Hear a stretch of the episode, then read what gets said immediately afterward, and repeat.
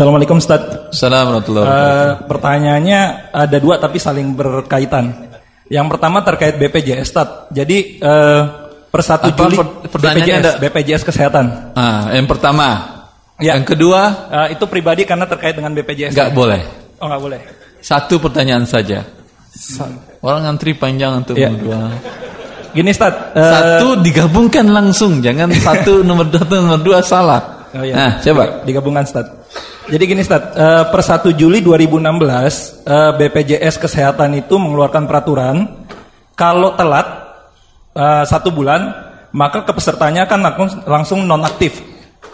Tapi ketika dia bayar maka tidak muncul denda di sana, bayar seperti biasanya. Hmm.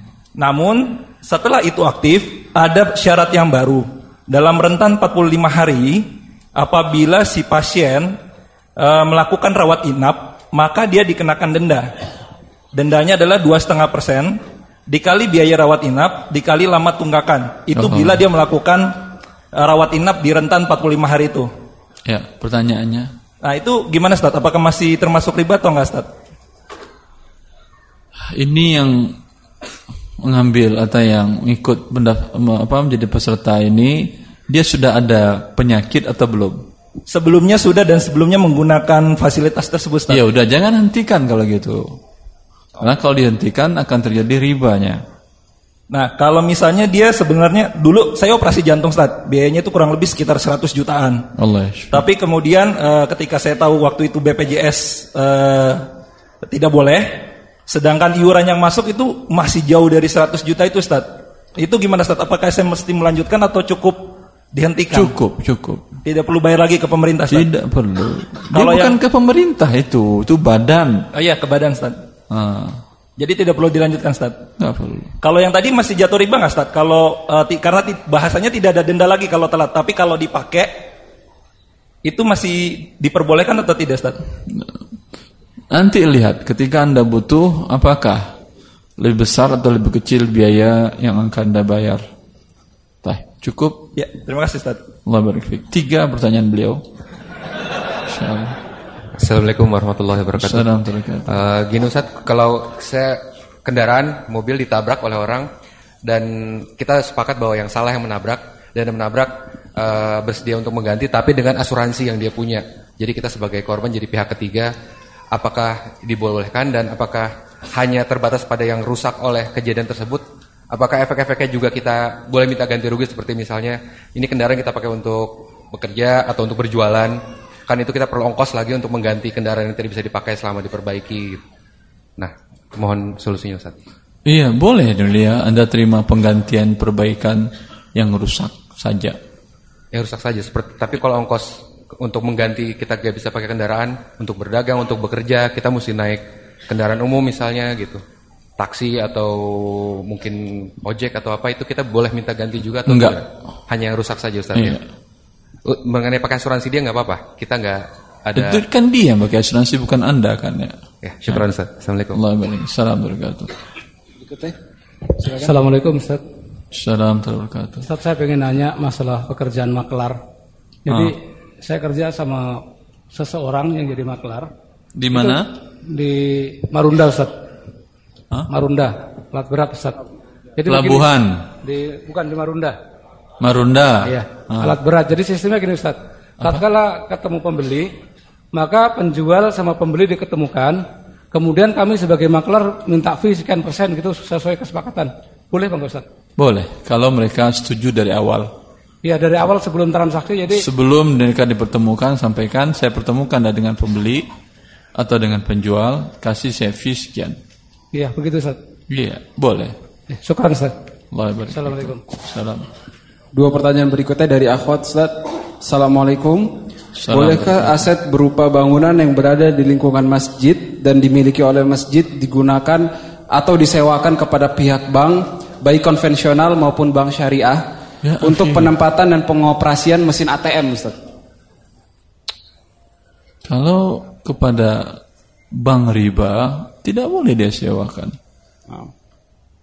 Ya, ini memperbesar apa namanya?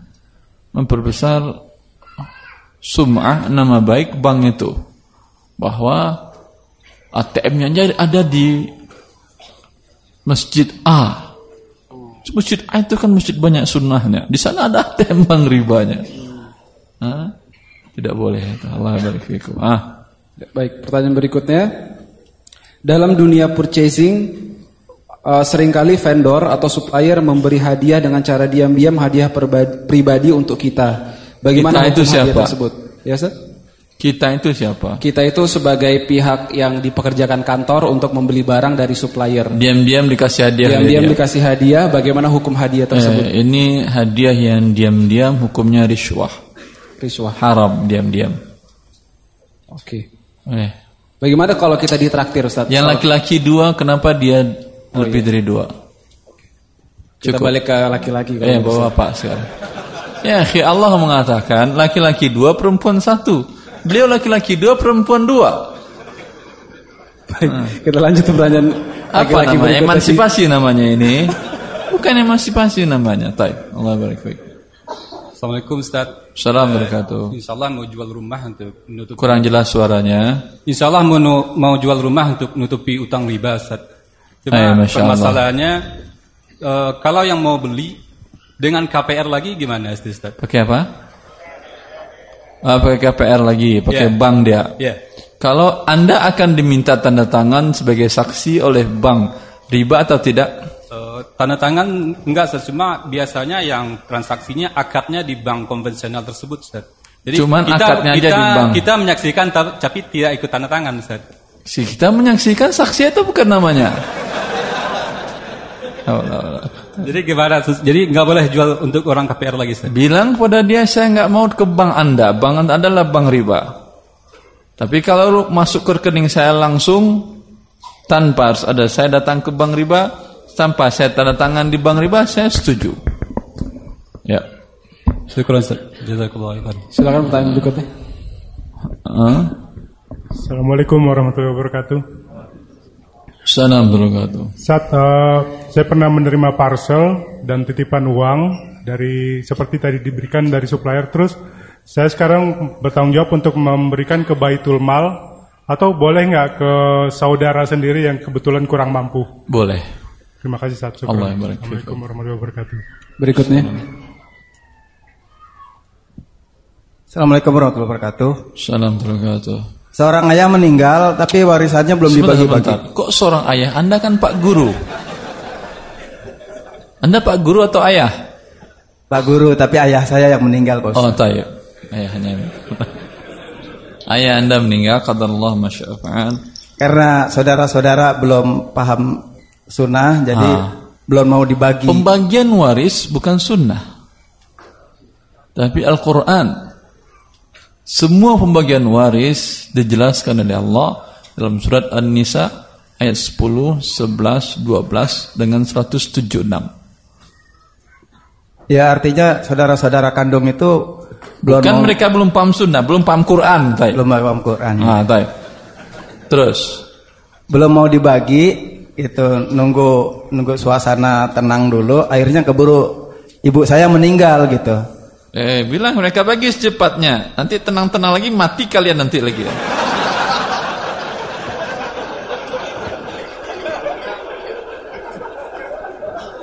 Jelas.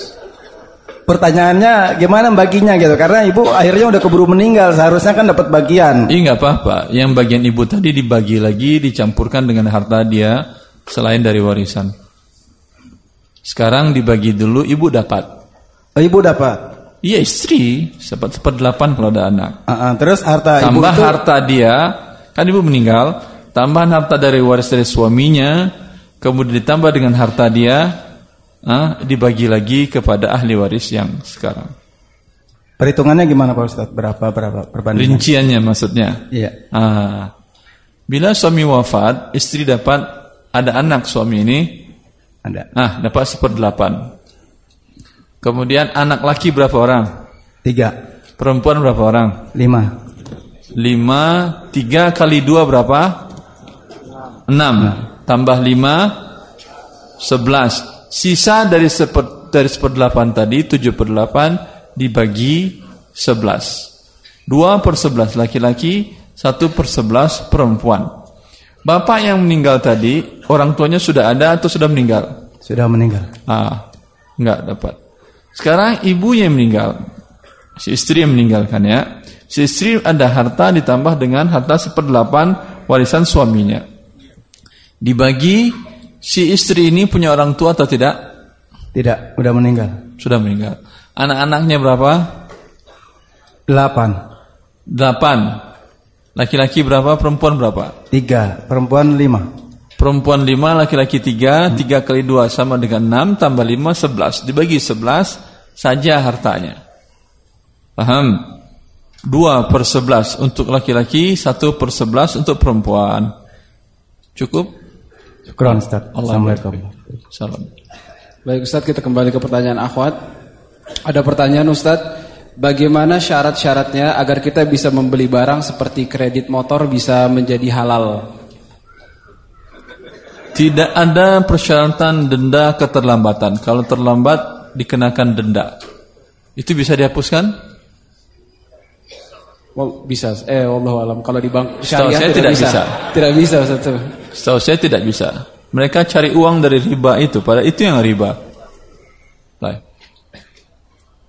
Pertanyaan berikutnya, kenapa multi level marketing diharamkan? Bagaimana dalilnya? Dan bagaimana pula dengan fatwa MUI yang bisa menghalalkan eh, multi level marketing? Ulangi pertanyaannya. Eh, kenapa multi level marketing atau MLM diharamkan? Apa dalilnya? Dan bagaimana dengan fatwa Majelis Ulama Indonesia yang menyatakan bahwa multi level marketing itu halal? Eh. MLM diharamkan saya bahas di buku Harta Haram Rinci. Jelas? Sepanjang pengetahuan saya, tidak satu pun lembaga fatwa internasional yang berpusat di Saudi, di Yordan, di Suriah dan di negara-negara lainnya, di Mesir juga yang menghalalkan MLM kecuali lembaga fatwa Indonesia. Jelas? Baik Ustaz. Terus Kesimpulannya beli buku antum Ustaz. ah, baca buku saya Baca bukan beli. bukunya. Siapa yang suruh beli? Baik. Baca buku saya. Baik. Saya. Langsung Mas. Assalamualaikum warahmatullahi wabarakatuh Ustaz. Salam terbaik. Uh, saya dulu pernah bekerja di lembaga keuangan. Apa? Saya pernah bekerja di lembaga keuangan dan Ah. alhamdulillah sudah resign. Saya yang jadi pertanyaan saya adalah apakah saya waktu bekerja- Kasihan beliau bungkuk. Naikin mic-nya, mic-nya. Dinaikin, akhi, panitia. Ah. Ada waktu bekerja itu ada ada Masih bungkuk beliau lurus kan. Panitia ente diri di samping dia, biarkan dia. Kasihan ya, akhi.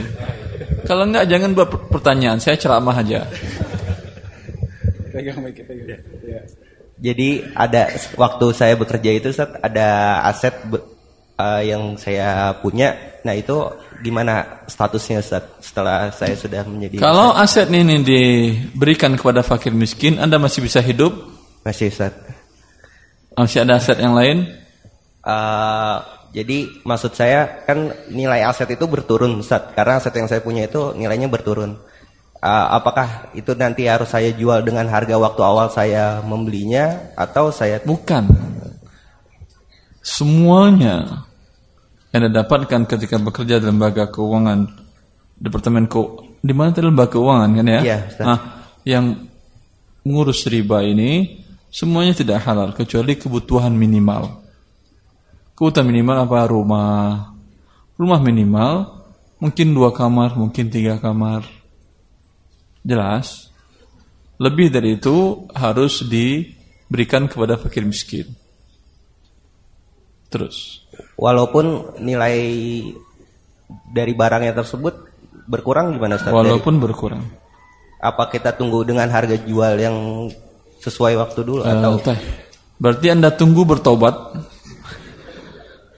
Siapa yang menjamin nyawa Anda masih bisa ditunggu? ya Ustaz. Tidak ada. Nah, Terus ini Ustaz, eh, waktu saya bekerja itu saya sempat dapat eh, istilahnya kayak bisnis lah dari temen untuk mencarikan barang. Eh, barang tersebut jadi sistemnya saya mencarikan dan setelah saya dapat saya tentukan harganya dan dia setuju. Kemudian tapi jatuhnya dipiutangkan Ustaz. Setelah dipiutangkan Barang sudah Anda miliki atau belum? sudah sudah saya beli, Ah. tapi saya sudah sudah memberikan harga kepada teman bahwa Ya. harganya segini dia setuju. Ya. Nah itu saya piutangkan ke dia dengan jangka waktu waktu itu saya tidak tidak tidak tidak menyebutkan sampai berapa, pokoknya sampai dia ada uang ya sudah bayar saja. Nah ketika dia sudah ada uang dan bayar, dia melebihkannya lagi dengan alasan ini untuk anda itu gimana Ustaz? Boleh. Boleh. Anda tidak minta lebih kan? Iya tidak. Boleh. Masih Ustaz surat. Iya. Baik, berikutnya. Assalamualaikum warahmatullahi wabarakatuh. Waalaikumsalam. Saya adalah praktisi dari pasar uang, pasar modal, Pak. Iya, silakan. Pak. Pertama, yaitu obligasi yang dikeluarkan oleh pemerintah, yaitu SUN, Surat Utang Negara. Iya. Ini dijual pada masyarakat dengan penghasilan ada dua, Pak. Satu, yaitu dari kupon semacam bunga yang ditentukan dengan persentasi. Iya. Dan kedua adalah hasil jual beli dari naik turunnya harga. Dan yang kedua Pak adalah pasar saham. Pasar saham adalah penyertaan orang untuk membeli saham dengan mengeluarkan uang untuk sekian persen dari saham itu. Dari saham itu kita dapat bunga Pak. Pertanyaan saya, saya itu dari hasil-hasil saham dan obligasi itu apakah halal sifatnya? Terima kasih Pak. Iya. Obligasi haram. Obligasi, ya, Ah. yaitu surat utang negara, Pak. Iya, sun juga haram. Dan uh, uang uang yang diterima oleh negara itu dikelola untuk uh, kepentingan pemerintah. Untuk, Nanti dibayar pemerintah berlebih atau sama seperti yang dia pinjam? ya, Berlebih kan ya? ya, Pak. Ah, ini namanya riba. Ya, Jelas Bapak, itu sama aja dengan individu pinjam uang 100 juta, nanti dikembalikan 110 juta. ya. Dan oleh pemerintah itu uh, uang yang didapat dari penjualan obligasi untuk uh, inf- infrastruktur, Pak. Lebih Yaitu penting perut daripada infrastruktur, Pak. Ya, ya. Orang yang miskin nggak punya beras, nggak punya biaya untuk ke rumah sakit, nggak punya biaya untuk masukin anaknya sekolah. Pinjam uang ke rentenir sebanyak 10 juta. Bayar nanti setelah satu tahun 12 juta. Ah? Ini riba atau bukan? Riba namanya. Walaupun untuk perut, walaupun untuk sekolah. Karena ada pertambahan riba. Jelas Bapak? Ya. Kalau secara logika Pak ininya, secara uh, dunia perbankan gini, Ya. dunia perdagangan itu nampaknya halal lah, Pak. Nampaknya halal, dia bukan berdagang ini. Ya, Dia menyerahkan uang, diskasi uang berlebih. Bukan dia serahkan adalah barang. Dikasih uang berlebih boleh. Kalau yang diserahkan oleh rakyat adalah barang. Tapi yang diserahkan oleh rakyat adalah uang. Dibayar pemerintah adalah uang juga. ya, Dan hukum halal haram bukan hukum di dunia perdagangan, tapi hukum syariat Allah dari Al-Quran dan Sunnah Nabi Sallallahu Alaihi Wasallam. ya. Dan Jelas, untuk Bapak. obligasi saham ini sudah tersebar ke semua hampir semua negara-negara Islam, Pak. Ya, hampir semua negara Islam bikin riba, nggak ada masalah. Sama seperti hampir semua negara Islam bikin kesyirikan. Bukan berarti dengan demikian syirik menjadi halal. Jelas Bapak? Ya, Pak. Ah.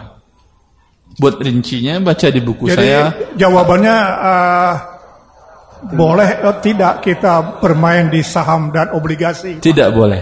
Tidak, Pak ya. Ah. Ya, terima kasih, Pak. Allah barik. Ingin rincinya lihat di buku saya Harta Haram Muamalat Kontemporer yang tadi dihadiahkan kepada salah seorang jamaah. Terima kasih, Pak. Allah yang barik Pak. Silakan. Assalamualaikum. Ustaz, Waalaikumsalam. saya bergerak di bidang olahraga nih Ustaz. Hah? Eh, olahraga Antum bergerak di penjualan barang-barang olahraga. Sport, sport. Masya Allah, Masya Allah. Hah. Nih, pertanyaannya mengenai jual beli salam. Lah, ente di sport kau beli beli saham? Ya makanya dengar dulu Ustaz. Iya, iya, tay. kan ada pendapat dua pendapat ulama mengenai jual beli salam. Salah satu yang Ustadz Erwandi suka bilang eh, harus ada jangka waktu yang menyebabkan perubahan harga yang menyebabkan harga itu akan menjadi lebih murah. Tapi ada ulama lain yang tidak mensyaratkan hal demikian. Apa ini? Syarat apa ini? Eh, barangnya Ustadz. Jadi misalkan kita menerima pembayaran 100% di muka secara salam. Salam, salam. Bukan saham. Salam, salam. Akad salam. Eh. Akad salam. Antum sport salam gimana caranya? Ya itu dia. Misalkan ada orang membeli uh, sepatu olahraga ke saya dengan cara salam.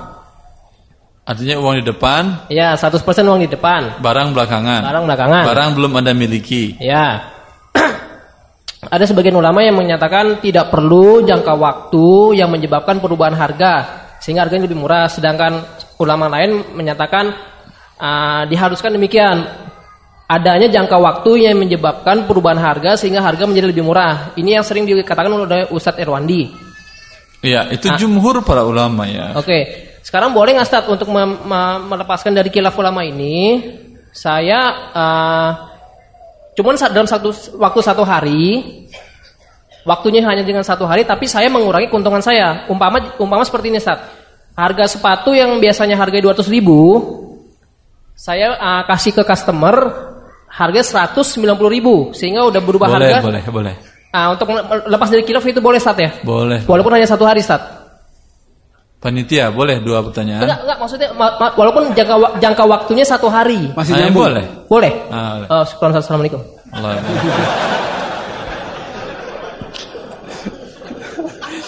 Terus, terus, terus. Kita terus ke pertanyaan akhwat.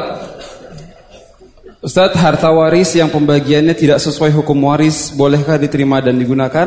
Keluarga sudah diingatkan tapi tetap tidak mau menjalankan hukum waris. Kalau yang syar'i. Anda terima berlebih, yang hak Anda boleh, yang sisanya tidak boleh. Allah. Baik, eh, pertanyaan berikutnya ada beberapa pertanyaan serupa, saya bacakan saja. Apakah bekerja sebagai pengawas perbankan tergolong riba atau mungkin pertanyaan-pertanyaan lainnya yang serupa bekerja Dia di- bukan riba, tapi dia ngawasin riba. Lebih berbahaya mana? Lebih berbahaya ngawasin riba. Ini ribanya nggak bagus, bagusin ribanya. Allah musta'an. Tuqlan. Terus, haram Ustaz karena dia menerima gaji dari situ berarti semua seluruhan gajinya semua haram. tidak halal. Baik. Kita balik ke pertanyaan ikhwan berikutnya. Sudah dua akhwat. Assalamualaikum Ustaz. Salam salam Saya bekerja di konsultan arsitek sebagai penggambar. Apa hukumnya bekerja menggunakan software yang ilegal? Eh, curi artinya. Uh, Saya sebagai karyawan tapi. Enggak, Anda mengambil software dengan ilegal. Enggak enggak, kita menggambar pakai software yang ilegal. Iya, software ilegalnya siapa yang curinya? Anda atau kantor? Uh, kantor udah. Ah, teknisi. tapi Anda tahu. Tahu. Berarti Anda menggunakan barang curian. Naam. Eh, berdosa menggunakan barang curian atau tidak? Dosa. Ayo udah, toh. Sekian Ustaz. Allah barik.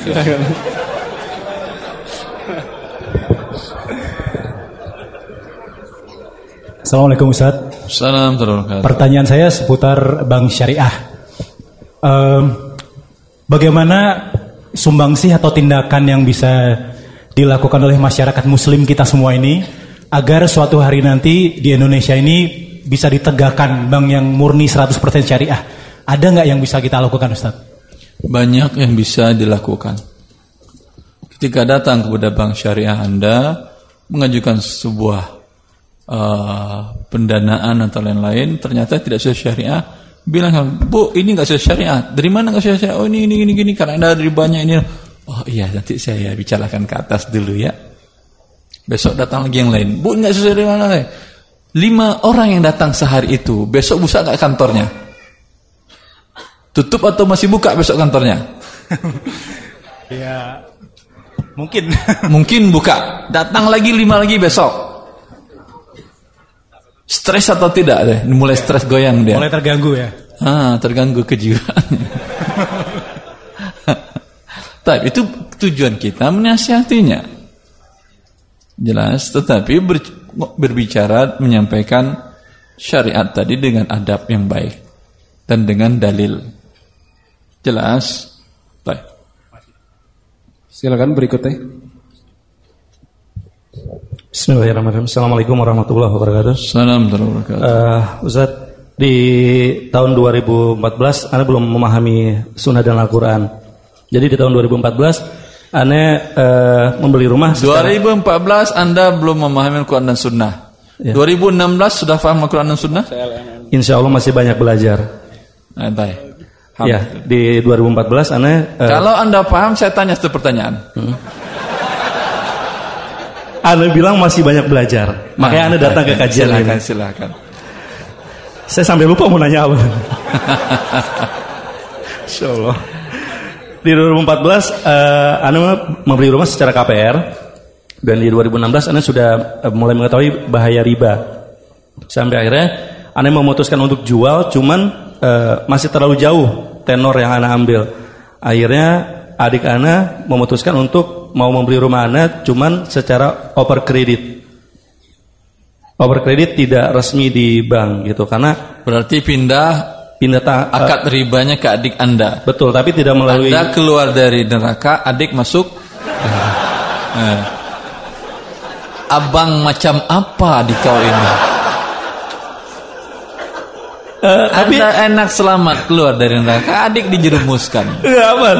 Sebelumnya eh, anak dan ibu anak Anda sudah Mana adiknya, mana adiknya? Itu dia. Anda sudah sudah mengingatkan ke adik Anda dan ke keluarga bahwa mengenai bahaya riba. Cuman seperti tid- tidak dipedulikan gitu. Ya udah nggak apa-apa gitu loh. Yang penting Anda kan sudah Apa yang tidak apa-apa? Anda. Iya, yang penting Anda kan sudah menjelaskan tentang mengenai bahaya riba. Ya udah jangan jual ke adik. Kalau jual ke adik, Anda tutupi hutang riba di bank, jual ke adik dengan cara cicil nggak ada masalah dan tidak ada denda keterlambatan. Tapi kan kalau Bukan Anda over kredit sehingga adik sekarang yang termasuk hah, akad riba. berarti kalau over kredit ke orang lain boleh, Ustaz? Sama halnya. Bukankah kaum muslimin bersaudara? Betul. Kecuali yang Anda masuk dengan orang lain tadi non muslim terserah. Boleh. Terserah saya bilang. Dia juga masuk neraka kan? Ya. Sekalian lah. Baik. Well, sekarang Ustaz. Assalamualaikum. Assalamualaikum. Silakan pertanyaan ketiga dari Ikhwan. Assalamualaikum warahmatullahi wabarakatuh. Ustaz saya mau nanya, kalau hukum untuk investasi reksadana gimana Ustaz ya dalam Islam ya? Apa? Reksadana. Reksadana. Reksadana. Apa maksud reksadana itu apa maksudnya? Hukum hukum investasi reksadana dalam Islam itu bagaimana Ustaz? Anda masukkan uang satu miliar. Betul? Hmm, enggak sih, saya mau nanya aja sih Ustaz. Apa? Iya, nanya aja sebelum investasi nanya dulu gitu. Ya Ustadz maksudnya meng, meng- Kurang jelas analogikan suaranya. gitu contoh. Oh, Katakan iya saja. oh iya iya. Eh, misalnya reksadananya misalnya 10 juta misalnya Ustaz. 10 juta. Ha. Nah, misalnya Nanti uang Anda bertambah atau berkurang? bertambah. Berkurang mungkin. Kurang bisa, bisa jadi sih. Hah? bisa, Bisa, bisa, Ustaz, bisa jadi. Bisa jadi. Ah. Dia beli barang yang halal atau barang yang haram? Itu disalurkan untuk yang usaha halal Ustaz yang Usaha yang syariah. halal. Iya, syariah. Iya. Anda tahu usahanya apa? Eh, nggak tahu Ustaz. Tapi halal kok nggak tahu? Iya, itu Ustaz. Ya, lebih baik jual ayam Anda di pasar daripada reksadana. Iya, jadi gimana Ustaz hukumnya? Iya, jual ayam, beli ayam dari kampung, jual di pasar, halal. Haram ya Ustaz ya? Oh, ya, tahu. Hmm. Iya, terima kasih Ustaz. Cukup, cukup. Kita balik ke pertanyaan akhwat Ustaz. Assalamualaikum Ustaz. Assalamualaikum. Ana ada arisan keluarga. Tujuan dari arisan tersebut agar silaturahim antar keluarga terjaga, tetap saling mengenal dan mengetahui antar keluarga. Jadi setiap anggota arisan yang mendapatkan arisan tentu berkewajiban untuk memasak makanan, menyediakan kue, kopi, teh dan lainnya. Dan anggota arisan lain yang hadir membawa uh, membawa juga makanan. Yang jadi pertanyaan, apakah makanan yang disuguhkan oleh tuan rumah itu haram? Karena dia mendapat arisan tuh satu satu juta tujuh ratus lima puluh ribu, sementara kadang-kadang harga makan tuh di atas uh, yang dia dapat dari kocokan arisan itu, atau rutin yang mereka kumpulkan. Riba ini namanya. Riba, Ustaz. Dia dapat cuma satu juta, sedangkan 700. biaya makan orang 2 juta. Ya, betul. Ah, riba nama. Taib. Taib. Tidak kalau ingin dihalalkan, tidak ada hubungan antara penyedia makanan dengan kocokan. Itu boleh. Baik. Nah, Pertanyaan berikutnya yang kedua, Ustadz, saya single parent meninggal menumpang beliau single parent, suaminya sudah meninggal Ustadz. ah, janda. Janda. Baik. Ya. Ustadz, saya janda menumpang di rumah kakak yang kerja di bank. Penghasilan kami bercampur di makanan. Apakah saya memakan harta haram juga? Apakah saya baiknya memisahkan diri dari rumah tersebut? Ulangi, ulangi. Baik, Ustadz, saya janda menumpang di rumah kakak yang kerja di bank. Ah. Jadi kakaknya beliau kerja di bank, Ustadz. Penghasilan mereka ini bercampur untuk membeli makanan sehari-hari. Jadi apakah eh, dia yang tidak bekerja di bank itu ikut memakan harta haram juga, Ustadz? Karena mereka bercampur hartanya untuk Eh, membeli. yang dia makan adalah dari uangnya dia. Ya, Jelas sehingga tidak bercampur. walaupun mereka bersatu membeli lauk pauk gitu, Ustadz. Iya nggak ada masalah. Kirakan dia hari ini keluarkan uang berapa, sebanyak itu dia makan boleh. Taib. Oke, kita lanjut ke pertanyaan Ikhwan berikutnya. Assalamualaikum Ustaz. Salam. Bapak-bapak tinggal berapa orang lagi? Masih banyak, Ustadz. Ada sekitar 20. Yang yang sudah nanya mengantri lagi, Ustadz. Ada tuh di belakang. Sebentar, sepertinya saya mulai drop. Taib, sampai berapa menit ke depan, Ustadz? Saya nggak tahu. Yang gaib. Kalau ternyata saya akan lelah setelah satu pertanyaan, saya istirahat setelah satu pertanyaan ya. Baik. Tah. Allah barik fikum. Mengalami gangguan kesehatan, tahu antum kan ya, ada kraniotomi di sini dibelah kepala sebanyak 12 jahitan lebih untuk mengeluarkan kista di kepala, di belakang mata, di depan otak kecil. Alhamdulillah. Ya, tetapi jawaban saya nggak ada yang ngaco kan ya? Nggak ada. Alhamdulillah tidak ada. Kalau ada ngaco, tolong stop panitia sehingga saya pulang. Ah. Aman. Silakan, Ustadz. Oh ya Ustadz, saya mau nanya Ustadz, di kantor saya kan kadang melakukan pengadaan barang. Nah, di purchase order atau surat pembelian itu tidak mencantumkan misalnya yang dibeli cuman ABC seperti itu. Nah, tapi waktu pengiriman oleh vendor itu kita suka dikasih lebih jadi ABCD seperti itu. D-nya itu kita udah pernah konfirmasi. Kita kan e, beli tanpa D, cuman ABC. Kenapa muncul D seperti itu? Cuman harganya tetap tidak berubah. Nah, kata vendor e, untuk menjaga hubungan baik dengan perusahaan Bapak itu akhirnya sempat saya terima tapi nggak saya pakai, cuman saya Anda terima berikan kepada pemilik perusahaan Anda. Bukan Nah, untuk Anda. Kalau saya- untuk Anda namanya riswah. Oh, Haram. Saya, itu Ustadz, saya tidak pakai, cuman saya taruh di ruangan gitu, ruangan di kantor. Tinggal Nah, diberitahukan kepada pemilik perusahaan atau direktur, ini gimana Pak? nah, oleh manajer baru dikasih ke saya Ustadz. Ah boleh. Eh, itu lalu Manajer ini pemilik perusahaan atau sebagai pengelola aja dia? eh, manajer ini manajer regional gitu Ustadz. Manajer juga dipekerjakan, Ustadz. Bekerja bukan juga. Tapi dia perusahaan. diberi kewenangan untuk mengatur seperti ini atau tidak? Kalau itu saya kurang tahu sih. Tanyakan dulu. Oh, seperti itu. Ah, Oh ya, lalu nah di kantor itu kan ada beberapa departemen Ustadz. Eh, ada produknya itu ada bikin kayak kan di perusahaan IT. Nah, salah satu produknya itu ada yang menyangkut perbankan Ustadz. Nah, kayak bikin ATM ataupun bikin kartu kredit. Nah, yang saya sempat gelisah itu tiga minggu Yang ATM terakhir. nggak ada masalah, yang kartu kredit yang riba. Oh, seperti itu. Oke. Ah.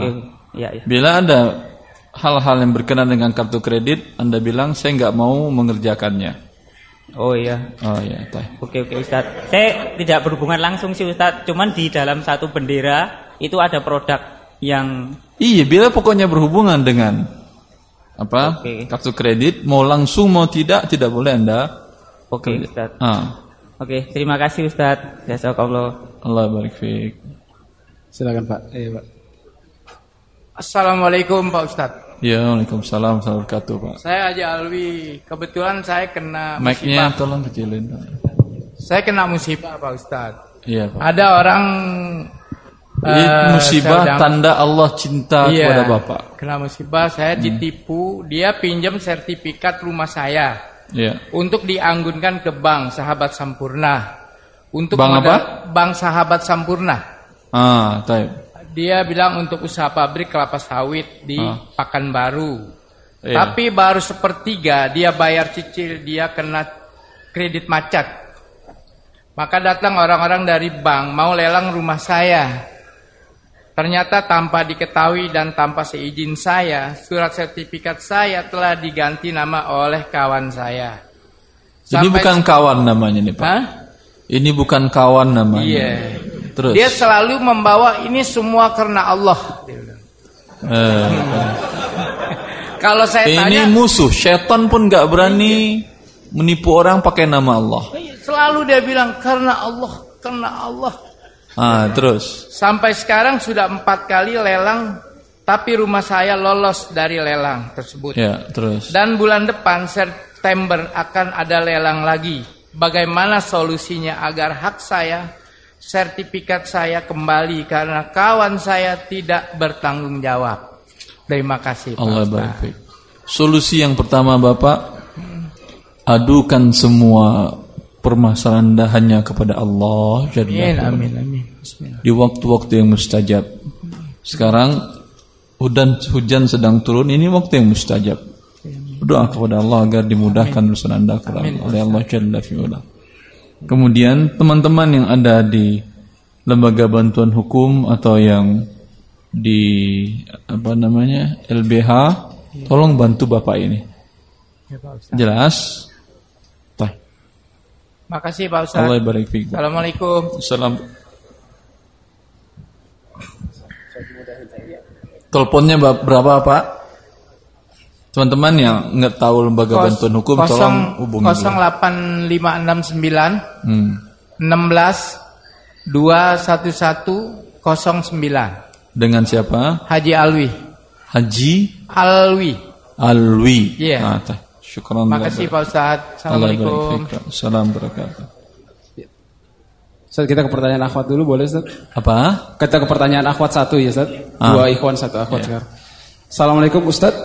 Bagaimana membersihkan harta dari pendapatan syubhat sementara saya lupa barang atau harta mana yang saya beli dari hasil yang halal atau syubhat? Apa cukup bertaubat atau mengeluarkan semua harta yang saya miliki? Jazakallah khair. Saddidu wa qaribu, perkirakan mana yang dari syubhat keluarkan, berikan kepada fakir miskin. Cukup Ustaz? Hah? Segitu saya. Udah. Atau mau nambahkan silahkan. Kalau salah tanggung jawab dunia akhirat. Cukup Ustaz. Nah, Allah barik. Silakan. Assalamualaikum. Salam terkata. Saya mau menanyakan tentang beasiswa. Tentang apa? Beasiswa. Ah, beasiswa. Eh, bagaimana hukumnya mengajukan atau menerima beasiswa dari lembaga pengelola keuangan di mana instrumen invest- investasinya dari surat berharga negara dan deposito. Eh, Anda mau belajar apa? Eh, teknik mungkin? Teknik mungkin atau iya? Iya, iya. Iya, teknik. Teh. S1 apa S2 apa S3? S2 S2. Bisa nilai Anda tinggi? insya Allah Nah, sudah diterima atau belum di salah satu universitas? belum cuman ingin aja. Ingin. Iya. Ke mana Anda rencananya? Eh, di Jogja, Bukan keluar negeri. bukan? Kenapa bukan keluar negeri? Eh, karena kemaslahatan agama juga. Apa?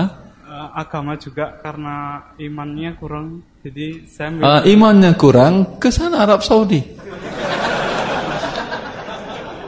Ambil ada, benar di Arab Saudi ada program teknik banyak. Ada waktu saya pulang dari S3 di situ ada sekitar 50 mahasiswa Indonesia yang sedang mengambil program S2 S3 di sana. Teknik semuanya, bukan agama ya. Agama lebih banyak dari itu. Jelas. Cari di internet teknik A atau B atau C untuk S2 di Arab Saudi. Banyak, banyak senior-senior Anda di. Teknik apa Anda? teknik elektro. Hah? Elektro. Elektro juga ada. Kemarin salah satu teman saya itu teknik elektro, S2 dia di KSU King Saud University, S1-nya di UGM, sekarang dia bekerja di Telkom Pusat. Oh, jadi tidak boleh menerima dari lembaga itu, Pak Ustadz ya? Yang dari riba ngapain ente sekolah pakai riba? Nanti isi otak Anda riba semua. Ya, Jelas? Ya. Jelas. Barakallahu fiik. Allah barik fi. Ustadz masih kuat Ustadz? Lanjut? Tidak. Baik. Kalau gitu kita akhiri. Eh. Kita lanjut lagi di Ahad depan, ah, bulan depan, Ahad pekan keempat, kembali bersama Ustadz Erwandi Tarmizi. Kepada ikhwan dan akhwat yang sudah menyiapkan pertanyaan, kami mohon maaf yang belum sempat terjawab. Saya yang minta maaf bukan Anda. Oh ya, mewakili Ya. Ustaz. Assalamualaikum warahmatullahi Baik. Waalaikumsalam warahmatullahi wabarakatuh. Kita akhiri dengan doa kafatul majelis. Subhanakallahumma bihamdika asyhadu an la ilaha illa anta astaghfiruka wa atubu ilaik.